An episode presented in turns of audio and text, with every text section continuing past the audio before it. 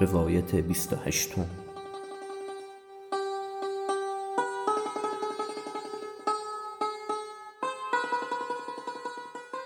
کسانی می گفتند عارف کوه است.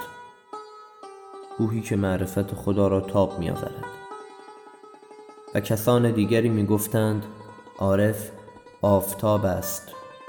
آفتابی که زمین را روشن می کند جوانمرد اما می گفت عارف نه کوه است و نه آفتاب. عارف پرنده کوچکی است که در جستجوی دانه از آشیانه جدا شده.